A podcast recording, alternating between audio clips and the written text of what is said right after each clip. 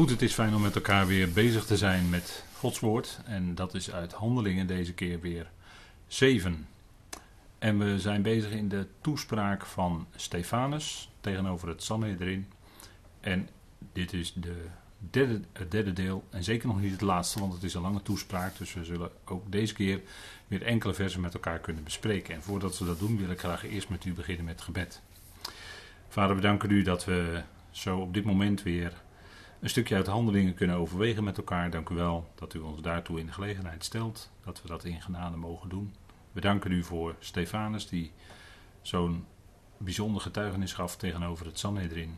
En dat ook bewaard is gebleven. Dank u wel voor de woorden die hij mocht spreken uit uw woord. Dank u wel dat we een overzicht krijgen van de geschiedenis van uw volk. Vader, dank u wel dat u de beloften die u aan uw volk gegeven heeft zal vervullen. U bent trouw.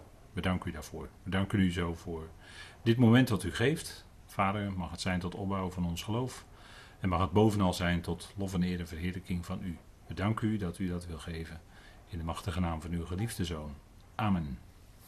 Goed, we kijken naar uh, Stefanus die spreekt en we zijn inmiddels gebleven bij vers 24 van Handelingen 7. En we gaan gewoon maar met elkaar lezen. Er staat in vers 24: En ziende dat iemand onrecht aangedaan werd, kwam hij te hulp en oefende wraak voor wie gepijnigd werd, de Egyptenaar treffend. Het gaat over Mozes. Mozes werd opgevoed aan het hof van de farao. Op een bijzondere manier was hij daar terechtgekomen. U weet het, hij was uit het water getrokken en hij kon door de prinses opgevoed worden aan het Egyptische hof, wat in die tijd een wereldrijk was. En hij zag ook de verdrukking van zijn volk. En hij zag het onrecht wat aangedaan werd. En hij kwam te hulp. En oefende wraak voor wie gepijnigd werd. De, het volk werd geslagen, gepijnigd. Ze waren in slavernij in Egypte. En de Egyptenaar die werd door Mozes geslagen en eigenlijk doodgeslagen. En dit moest dan opnieuw een hint zijn van Stefanus naar het Sanhedrin. Dat zoals Mozes zijn broers wilde verlossen en hij de Egyptenaar doodsloeg daarbij, zo kwam ook de Heer om zijn broeders te verlossen. In zijn dienst op aarde. Er zit natuurlijk een geweldige parallel in. Daarin was Mozes natuurlijk ook een type van onze Heer. Mozes wilde zijn volk verlossen. Daarvoor was hij door de Heer in feite geroepen. En dat zou nog duidelijker worden maar de Heer zelf kwam later op aarde om zijn broeders naar het vlees te verlossen. En dat is toch wel een bijzonderheid dat er zulke parallellen zitten, ook in het leven van Mozes en het leven van de Heer Jezus. En Hebreeën schrijver zegt natuurlijk ook dat Mozes getrouw was in heel zijn huis. En zo is ook de zoon, dat is natuurlijk de Christus, de Messias, de geroepen hoge priester naar de ordening van Melchizedek. Daarvan wordt gezegd in Hebreeën 3 dat hij trouw is ook in heel zijn huis, net als Mozes. En dus daar zien we een duidelijke parallel. Wordt er getrokken tussen Mozes en onze Heer. En Mozes was daarin ook een type natuurlijk van onze Heer. En zo zit dat eigenlijk ook verweven in deze hele geschiedvertelling van Stefanus. Dan gaan we naar vers 25. Hij nu was van oordeel dat zijn broeders begrepen dat God door zijn hand redding gaf aan hen, maar zij begrepen dat niet.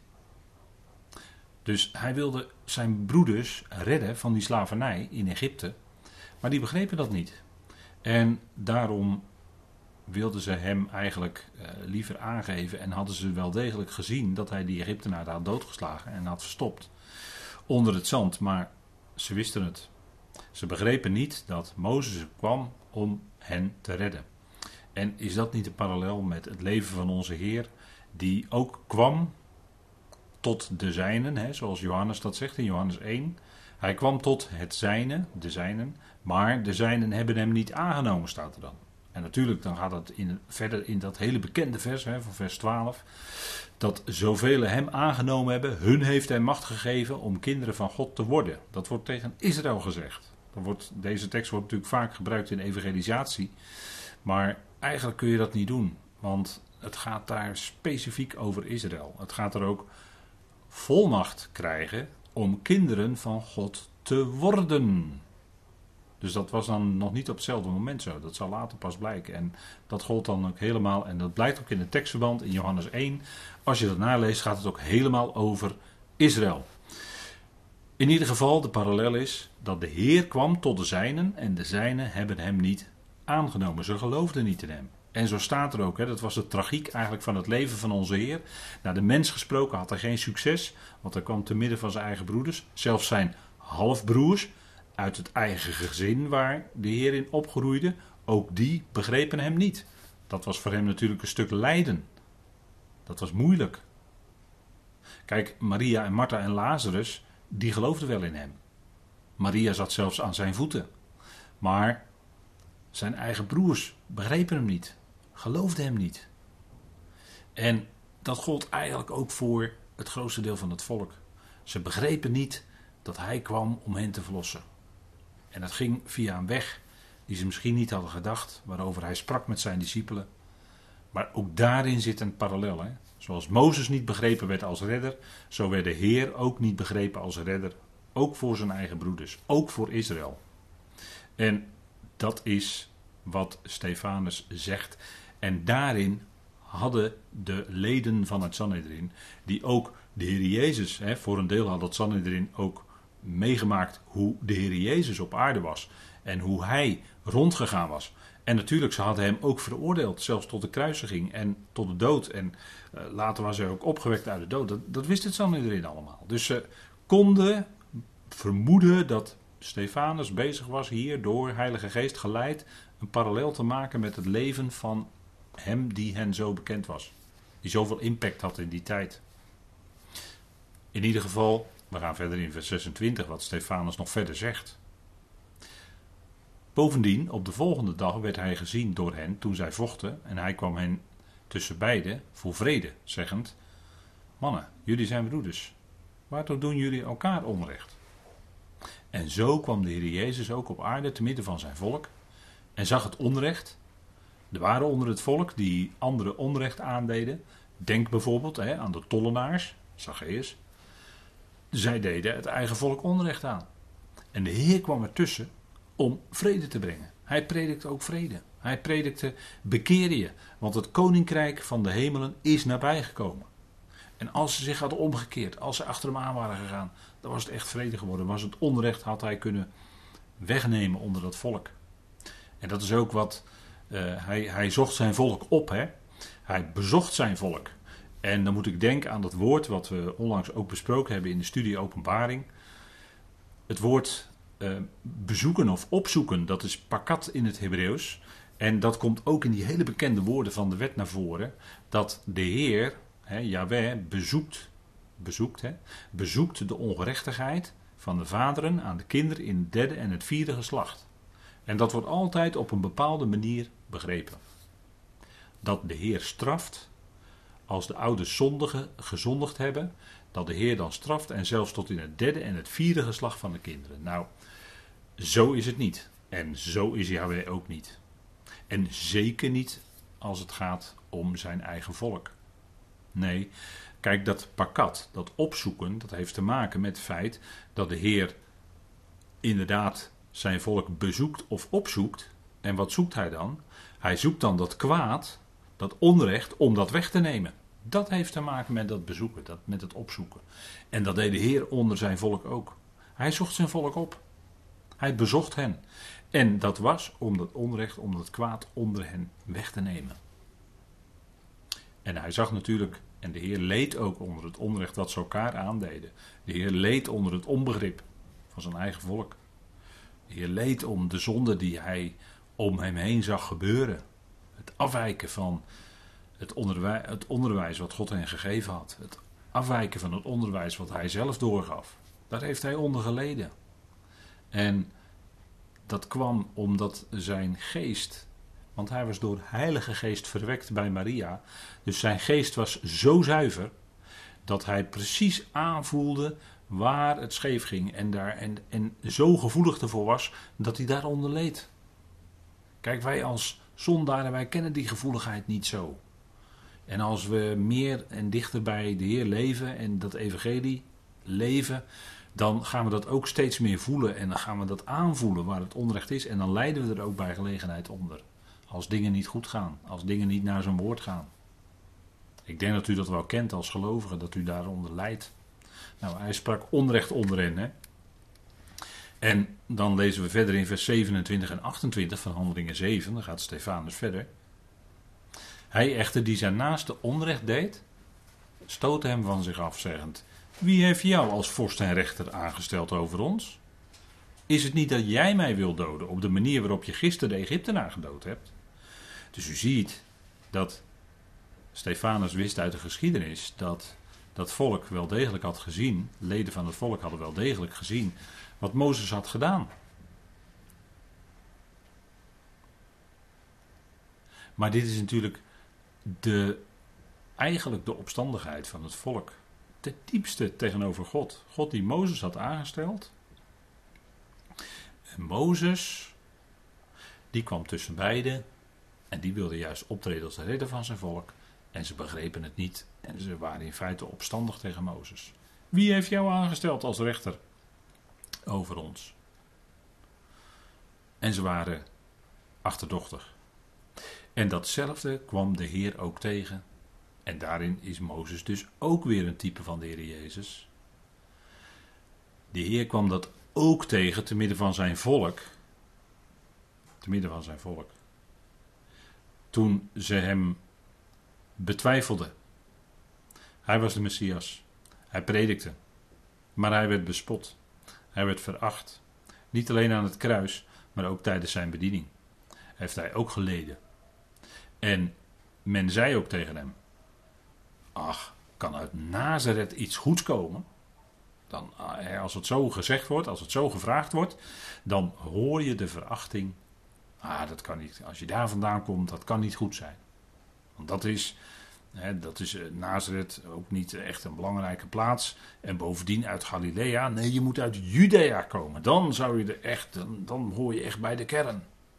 Wat natuurlijk eigenlijk ook een drogreden was. En waarin ze een vooroordeel hadden tegenover hem. En u kent misschien wel die vraagstelling op een gegeven moment toen ze bij de Heer kwamen.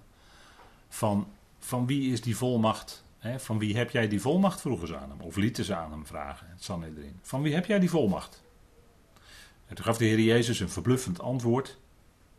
En daarop konden zij eigenlijk, hadden zij eigenlijk geen weerwoord. Want ze beseften, als ze het een zouden zeggen, dan zou het andere geconcludeerd worden. En als ze het andere zouden zeggen, zou het één geconcludeerd worden. Dus aan beide kanten. Dus de Heer gaf een zo, ja, hoe moet ik dat zeggen, zo goed geleid antwoord. Dat hij niet aan hen doorgaf van wie hij de autoriteit had. Ze moesten er zelf maar de conclusie trekken dat zijn autoriteit, zijn volmacht, dat die van God zelf rechtstreeks kwam. Dat God zijn vader was. En dat konden ze natuurlijk niet accepteren, want dan zou betekenen dat hij de zoon van God is. Dat zou betekenen dat hij de Messias is. Dat zou ook betekenen dat die leden van het Sanhedrin hun positie zouden kwijtraken. Want als de Messias komt, dan weet men, ook dat zegt men ook vandaag, zeggen de rabbijnen, dat die weten dat gewoon.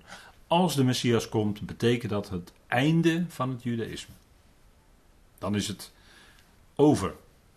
En dan is dus ook de positie die zij hebben als Sanhedrin binnen het judaïsme is ook over. Want het is voorbij. Het gaat om de Messias immers.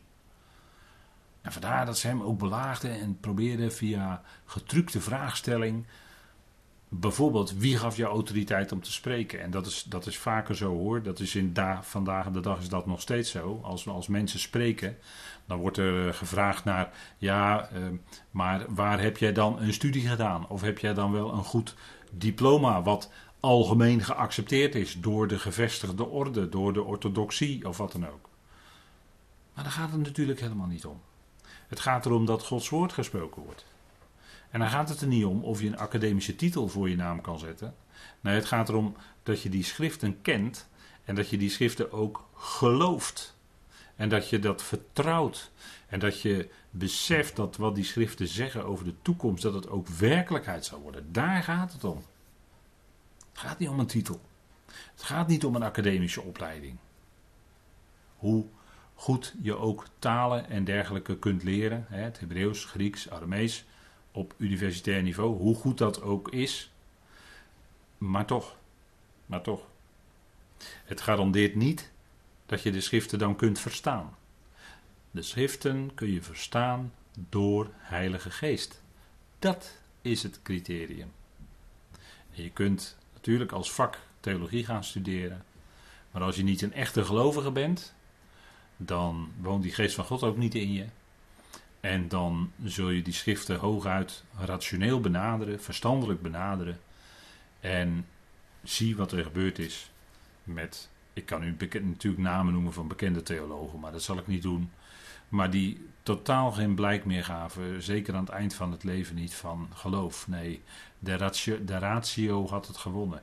Het rationele was alles gaan overheersen. En uiteindelijk zijn er die helemaal aan het eind van hun leven helemaal niets meer over hadden. Helemaal niets. Dat vind ik triest. Dat vind ik triest. En dat is voor mij eigenlijk een gegeven dat ze niet door Heilige Geest die schrift hebben kunnen verstaan. Als wat het werkelijk is, hè, zoals die Thessalonicenzen dat aanvaarden. Die aanvaarden wat Paulus sprak niet als een woord van mensen, maar als wat het werkelijk is, als het woord van God. En daar gaat het om. Kijk, de heer Jezus werd ook veracht, maar hij sprak de woorden die hij vader hoorde spreken. Die woorden gaf hij door.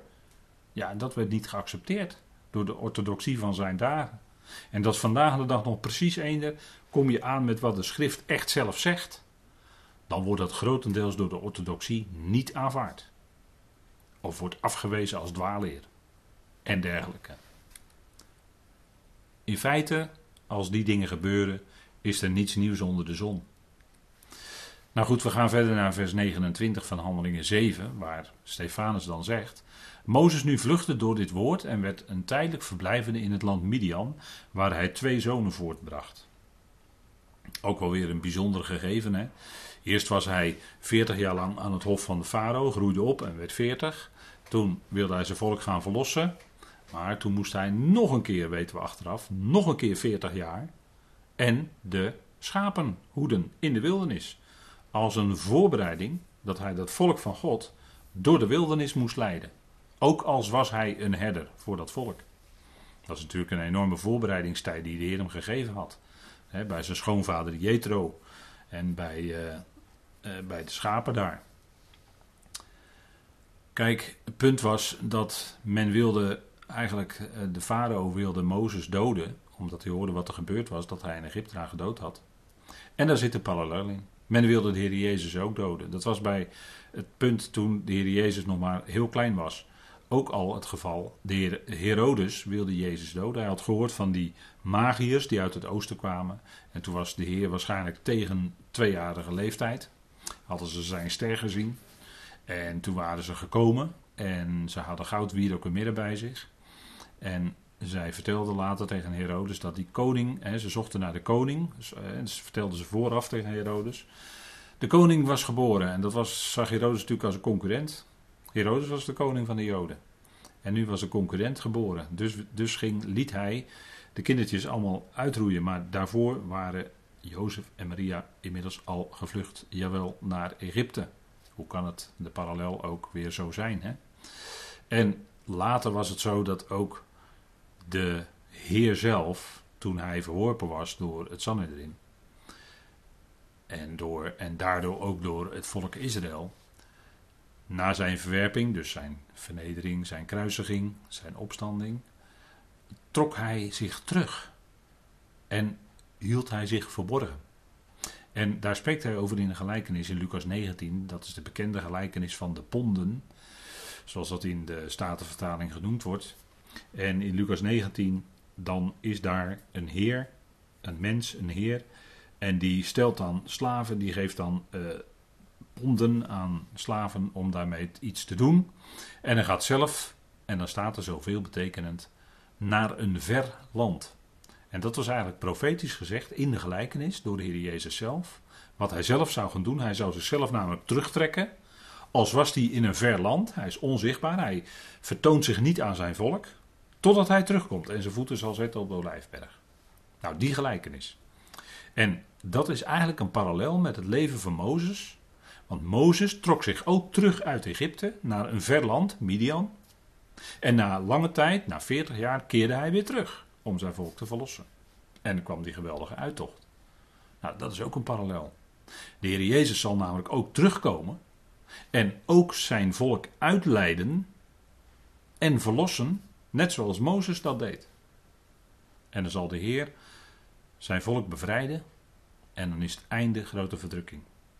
Zoals Mozes zijn volk komt verlossen na de periode in Midian en dan is het einde van de verdrukking in Egypte. Ziet u de parallel? Nou, dat, dat zit dus allemaal prachtig verweven in die geschiedenissen. En zo wordt dat woord, als u het mij vraagt, zo wordt het woord van Tenach een levend woord. Want het blijkt te gaan in typen over degene om wie het allemaal draait. De Messias. Jezus Christus. Degene die komen zou. Daar verwees het allemaal naartoe. Hè? Nou, en dat is. Eigenlijk kun je zo stap voor stap die, die vergelijking maken. Hè? En dat, dat maakt het tot een levend woord. Want dan komt die levende Christus in naar voren. Gaan we naar vers 30 van Handelingen 7. En toen 40 jaren voltooid werden, werd door hem in, in de woestijn van de berg Sinai een boodschapper gezien in een vuurvlam van een braamstruik. U ziet het, de periode van 40 jaar is voorbij in Midian. En hij ziet dan de brandende braamstruik. Toch bijzonder. De braamstruik brandde, maar verbrandde niet. En dat is natuurlijk een geweldig type van de Eonische natie Israël. De natie die altijd blijft bestaan. Ondanks vervolging. Ondanks de vlam van verdrukking. Ondanks de vlam van vervolging. Het vuur wat hen voortdurend belaagde. Het vuur van het antisemitisme. En toch, nochtans, blijft dat volk bestaan. Daar is die brandende braamstruik die niet verging een geweldig type van. En dat zag Mozes. En er werd door hem ook een boodschapper gezien die iets ging zeggen. En zo was die boodschapper, zo is die boodschapper. En u kunt zeggen, nou dat is Michael of dat is Gabriel. Ach, het doet er niet zoveel toe. Er is een boodschapper van de Heer, altijd betrokken bij het volk. En die zorgt ervoor, om het zo maar te zeggen, dat dat volk niet vergaat. Dat het niet teniet gedaan wordt. Dat het niet opgaat in de andere volkeren. Dat is op zich al een wonder dat er nu weer in Israël dat volkje Israël is. Dat het in 2000 jaar niet geassimileerd is onder de volkeren, maar dat het nog steeds bestaat. En daar zorgt de Heer zelf voor. Want hij waakt over zijn woord om dat te doen, zegt hij tegen Jeremia. daar vergelijkt hij dat met de amandel, weet u wel. De amandel die het eerste, dat noemen ze ook de waker. Daar is ook de, menorah natuurlijk een uitbeelding van. Dat is eigenlijk een gestileerde amandelboom. En dat is de wakkere, want is, dat is de eerste boom die gaat bloeien in het voorjaar. Dat is de waker. En zo waakt de Heer over zijn woord. Want hij laat aan Jeremia dan een amandeltwijg zien. Zo waakt hij over zijn woord om dat te doen. En dat, en dat woord heeft dan te maken in Jeremia natuurlijk met het volk Israël. Natuurlijk met die belofte die God gegeven heeft. En in Jeremia komt ook naar voren dat de Heer met hen in een nieuw verbond zal komen. Jeremia 31. En dan zal het niet meer gescheiden zijn, twee en tien stammen. Nee, dan, zal het, dan zullen al die stammen zullen weer samen zijn. En dan zegt Ezekiel, dan wordt het één kudde, één herder. Ah, dat is nog een geweldige toekomstmuziek hè, voor Israël. Maar dat zal gaan gebeuren. En dan blijkt dat zij, ondanks al dat vuur van verdrukking, al, dat, al, die, hè, al, al, al, die hitte van de vervolging, dat dat hen niet heeft uh, ja, verbrand, zeg maar. Hè? Niet heeft opgebrand. En dat zag Mozes. Israël, het blijft toch bestaan. Het is Gods oogappel nu eenmaal. En dan lezen we in vers 31, Mozes nu, dat waarnemend, verbaasde zich over het gezicht. Terwijl hij nu nader om het te overdenken, kwam de stem van de Heer. Kijk, na de beproeving, na die 40 jaar, want 40 in de schrift is vaak een periode van beproeving, dan komt de stem of het woord van de Heer. De belofte gaat vervuld worden. Dat is steeds zo. Na een periode van beproeving vervult de Heer zijn beloften. Ook aan Israël. En denk eens aan die parallel Het leven van Mozes, het leven van de Heer Jezus. Mozes die ging het volk redden na een periode van 40 jaar. De Heer Jezus die kwam opnieuw bij zijn discipelen in zijn opstanding en dat was een periode van 40 dagen. Waarna het aanbod van redding hè, opnieuw kwam. Opnieuw werd dat koninkrijk aangeboden. Opnieuw ging dat evangelie van het koninkrijk klinken. En kon dat volk zich omkeren en hem aannemen als Messias. Dus ook na 40 weer, hè? Dus zien we weer een geweldige parallel. En we zien ook daarin de liefde van God. Dat ondanks de afwijzing, ondanks de enorme vernedering, dat toch in Gods liefde opnieuw die boodschap van het koninkrijk naar het volk toe kwam. En dat is Gods vergevende liefde. Het enorme krenken van de Messias. God liet het gaan. dat, eh, dat zegt het woord vergeven eigenlijk. Je, je, je, je laat het van je afgaan. Je laat het gaan. En dat is natuurlijk geweldig. Dat is ook de genade van de Heer die daarin doorkomt. En, en zo heeft de Heer dat volk lief en biedt opnieuw die redding aan het volk aan. De stem van de Heer.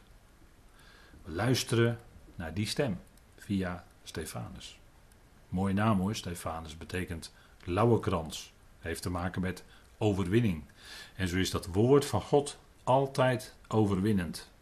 Het overwint de sterkste tegenstand. Het overwint de hardste harten. Het doordringt de sterkste rots.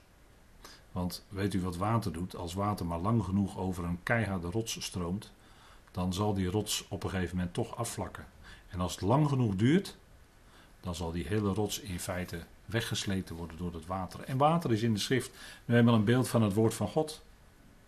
Dus dat woord van God is altijd sterker dan welke tegenstand dan ook. Als God het gesproken heeft en hij verkondigt vanaf het begin het einde, hij overziet dat hele plan. Hij zegt van tevoren wat hij gaat doen en hij doet het ook. Kijk, dat is de kracht van het woord. Daar kan geen mensenwoord tegenop. Mensenwoorden blijken o zo vaak onbetrouwbaar. Maar Gods woord is waar. God is trouw. Dat is het geweldige wat Paulus zegt in 1 Thessalonicense 5. Trouw is hij die u roept. Hij zal het ook doen in uw leven. En hij doet het ook.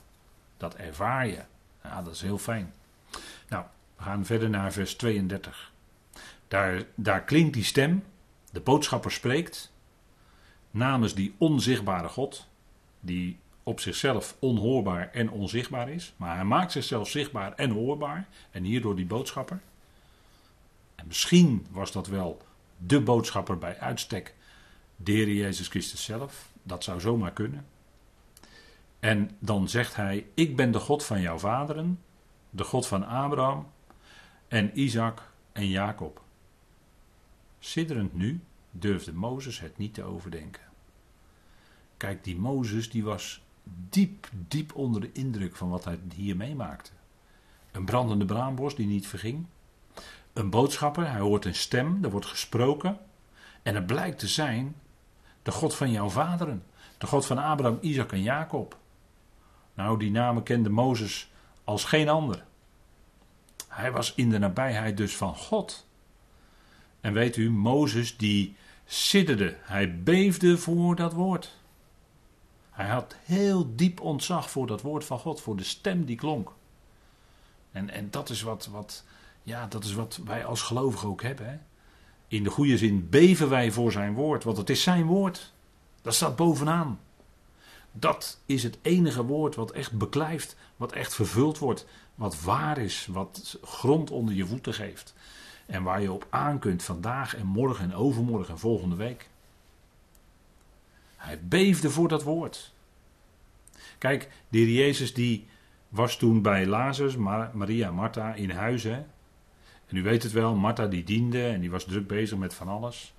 En dan zegt de Heer toch, op dat moment, en ik, dat dienen op zich, hè, dat doen is niet verkeerd, maar wat de Heer zegt op dat moment, wat Maria deed, daarvan zei de Heer, zij heeft het goede deel uitgekozen. Want Maria zat aan zijn voeten en zij luisterde naar zijn woord. En dat zocht zij. En daarin klinken eigenlijk, hè, de Heer Jezus die citeerde daar eigenlijk Psalm 27. Toen hij dat tegen uh, of over Maria zei. Eén ding is nodig. Dat is het belangrijkste, dat bedoelde de Heer.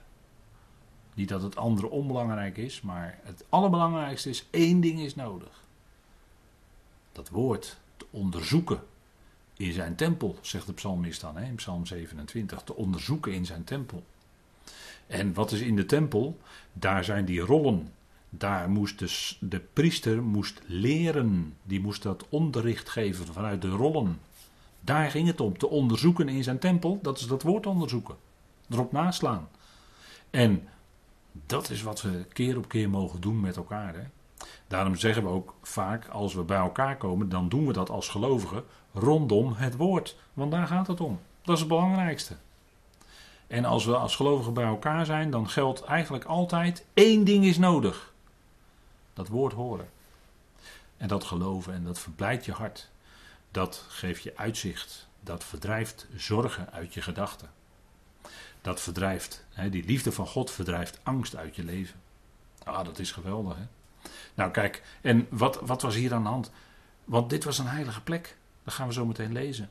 Dit was een heilige plek, dit was een gewijde plaats. Hier klonk het woord. En wat was hier aan de hand? Nou, later gaat Stefanus dat zeggen. Daar gaan we in de komende keren nog opkomen. Daar gaat hij iets zeggen over waar God wel en niet woont. En ik kan het al een beetje aangeven hoor.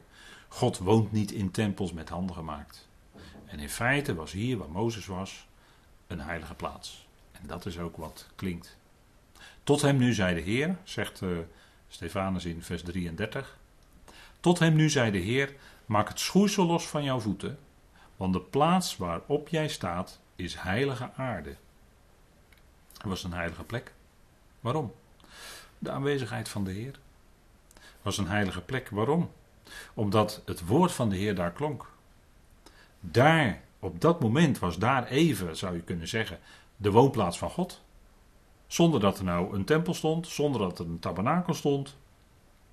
Want God woont niet in tempels met handen gemaakt. Mozes bevond zich op een heilige plaats. Een soort van tempel zou je kunnen zeggen. En daarom moest hij dat schoeisel van zijn voeten afdoen. Want de plek, ja, dat was een geheiligde plek door de aanwezigheid van God. En beseffen wij wel dat als dat woord van God klinkt, dan komt, dat, komt eigenlijk God naar ons toe uh, in dat woord. En dan is op dat moment, is dat ook een stukje uh, geheiligd gebeuren, want je bent dan bezig met die dingen van God. Dat, dat is, uh, ja, daar, daar zouden we diep ontzag voor hebben, hè, voor wat hij zegt. Maar de plaats waarop jij staat is heilige grond, is heilige aarde. Besef dat wel, Mozes. En vandaar, Mozes besefte dat en vandaar dat hij beefde voor dat woord. Vers 34, dan zegt Stefanus, ik heb gezien dat uh, zegt die boodschapper dan tegen Mozes. Hè? Ik heb gezien de kwade behandeling van mijn volk in Egypte. En een zuchten heb ik gehoord. Ik ben afgedaald om hen uit te nemen. En nu kom hierheen, opdat ik jou afvaardig naar Egypte. En het, punt is, hier werd Mozes op de juiste tijd naar dat volk gestuurd. En we herinneren ons nog de woorden die gesproken zijn tegen Abraham in Genesis 15. Waarin gezegd werd: dat zij een periode van verdrukking zouden meemaken gedurende 400 jaar. En na die 400 jaar, dan zouden, en dan staat er, dan is de ongerechtigheid van de Amorieten volgemaakt. Genesis 15, hè? dat, zijn bekende, dat is bekende tekst. Hè?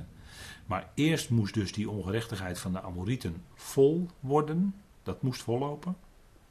En pas dan zou de Heer hen gaan verlossen, roepen uit Egypte. En daarom dat was mede de reden waarom Mozes ook nog 40 jaar naar Midian moest. Die tijd moest dan volgemaakt worden. God doet alles op de juiste tijd. Op zijn tijd. En hij kan wel eens jaren wachten. En wij zijn dan ongeduldig. En dan kunnen wij niet wachten. Want wij willen altijd gelijk alles doen. Maar God die neemt rustig de tijd. En God die handelt stap voor stap in zijn plan. En later werd ook op de juiste tijd de Messias geboren, de Heer Jezus Christus om zijn volk te gaan verlossen. En ten diepste om gekruisigd te worden en op te staan uit de doden. Dat was op de juiste tijd. Daar uh, refereert Paulus ook aan in een Galatenbrief. Als hij zegt dat op de juiste tijd de Heer geboren is geworden onder de wet. En dat was de tijd die door God bepaald was. Daar gaat het om. Het gaat niet om dat wij nou allemaal berekeningen. Nee, het gaat om die tijd die door God bepaald is. En dat is dan ook de juiste tijd. En dan moet ook de verlossing gaan komen. En zo heeft God ook in de nabije toekomst de juiste tijd bepaald. Dat de Heer gaat komen, zijn voeten zal zetten op de lijfberg. En zijn volk verlost. Het zal exact op de juiste datum zijn. Op de juiste dag. Dat zal de grote verlossingsdag zijn. Hè? Maar zo werd de Heer ook tijdens uh, zijn aardse, voor zijn aardse bediening op de juiste tijd geboren. Geboren, zegt Paulus, uit de vrouw, onder de wet. En dat was zo precies zoals het moest zijn. Hè? En dat was hier ook. De Heer roept hem en dan zegt hij: Kom hierheen, opdat ik jou afvaardig naar Egypte. En zo is het steeds. En we zien hier ook dan in vers 35, en dat is dan het laatste vers dat we in deze studie bespreken. Deze Mozes, die zij gelogend hadden, zeggend: Wie heeft jou als vorst en rechter aangesteld over ons? Deze heeft God als vorst en verlosser een, als richter afgevaardigd. Bij de hand van de boodschapper die gezien werd door hem in de braamstruik. En het punt is dat de Heer stuurde op het juiste moment, terwijl ze die eerst nog hadden gelogend, is: Ben jij nou onze vorst? Ben jij nou degene die ons komt verlossen? Ben jij nou door God gestuurd? Ze betwijfelden dat heel sterk. Veertig jaar later waren ze zo onder druk en stond het, zo, stond het water, zeg maar, bij wijze van spreken hen aan de lippen. Hij vaardigde Mozes af op de juiste tijd. Door de hand van de boodschapper. God stuurde een boodschapper in de braamstruik. Die woorden sprak om hem te roepen. En nu kwam God naar het volk toe door middel van Mozes. En dat is de ontferming van God. Hè? Hij had gezien de verdrukking van zijn volk. Hij had de nood gezien. Natuurlijk. En dat liet hem niet onberoerd. Maar hij wacht toch tot de juiste tijd. En dan vanuit zijn ontferming betoont hij hen barmhartigheid. En hij verlost hen door middel van Mozes. En later stuurde hij die grotere Mozes, de Heer Jezus Christus, om die gelovige rest uit Israël te verlossen. Er is altijd sprake van een gelovige rest in het volk. Een gelovig overblijfsel zeggen we ook wel. En in zijn dagen besefte de apostel Paulus dat hij daarbij hoorde. En dat deel, en hoorde dan bij dat deel van dat gelovige overblijfsel, wat uh, deel uitmaakte van het lichaam van Christus. Paulus ging natuurlijk roepen. En via Paulus werd het lichaam van Christus geroepen. En daar hoorde ook dat deel van het gelovige overblijfsel van Israël bij. En de Heer die kwam op de juiste tijd om die gelovige rest ook te verlossen. Nou, dat is uh, geweldig hè, als we zien hoe de Heer op de juiste tijd dat doet wat nodig is. En diegene stuurt die hij bepaalt. Als vorst, als verlosser, als richter, als noem maar op. En hij doet het ook. En de Heer zal ook in de nabije toekomst dat doen voor zijn volk. Dat is nog toekomstmuziek. Maar dan zal het ook hoog tijd zijn, als er echt een verdrukking over het volk is geweest, die zeker zwaarder zal zijn dan de verdrukking die zij meemaakten in Egypte. Dan wordt er gesproken over grote verdrukking. Zoals er van het begin van de wereld nooit geweest is en daarna ook nooit meer zijn zal. Dat wordt er dan allemaal van gezegd. Hè? Nou, die tijd, die tijd, die is aanstaande. Die tijd van grote verdrukking. Dus het, het punt dat wij nu in onze dagen beperkingen ondervinden, dat zijn de eerste aanzetten van een toenemende druk op de mensen. En die druk, als u het mij vraagt, zal alleen nog maar toe gaan nemen, zal alleen nog maar meer worden. En het zal zelfs leiden tot grote verdrukking, zeker over Israël. En uh, dat, dat moet ons toch, als we in onze dagen, kort geleden nog gezien hebben, hoe dat dan, uh, hoe, wat er allemaal gebeurde in Israël, dan kunnen we daar al voorzichtig wat contouren van zien. En ik denk dat we dat voor dat volk dan kunnen bidden. Voor elkaar kunnen bidden. Want ook al is er nood en druk in ons leven. We zien ook in deze prachtige geschiedenis van Mozes en Israël. Dat God niet ver weg is. Maar dat God omziet naar zijn volk.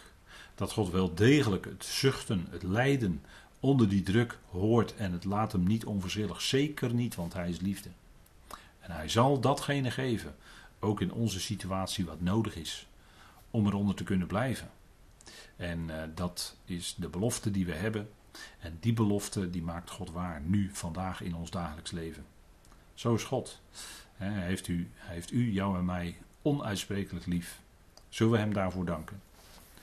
Vader, we danken u dat we ook dit moment weer van u mochten ontvangen. We danken u dat als wij de dingen uit de schrift tot ons nemen, we horen wat en, en ervaren wat Paulus zegt in de Romeinen, dat wij de God van de verwachting mogen kennen en dat wij de schriften hebben die ons hoop, verwachting en uitzicht bieden en geven. Vader, dank u wel dat als we die schrift bestuderen en mee bezig zijn, dat het steeds opnieuw weer die hoop, die verwachting in ons aanwakkert. En dat het ons bemoedigt, dat we door gesterkt worden, dat we door opgebouwd worden, opgebeurd worden.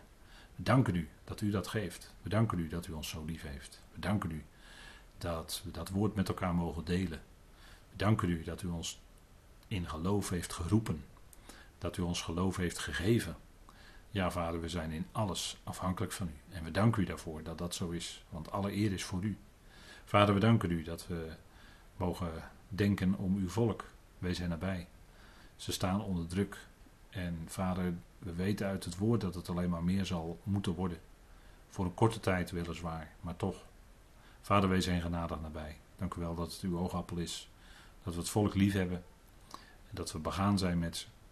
Danken u dat we ook met elkaar begaan zijn. En ook elkaar mogen gedenken in gebed.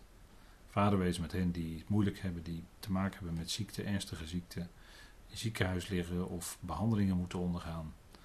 Of door ouderdom steeds meer beperkingen krijgen. Vader, wees nabij. En dank u wel dat u bemoedigt in die omstandigheden. We danken u daarvoor. We danken u zo voor alles. Ook voor dit moment wat u weer wilde geven. In de machtige naam van uw geliefde Zoon, onze Heer Christus Jezus. Amen.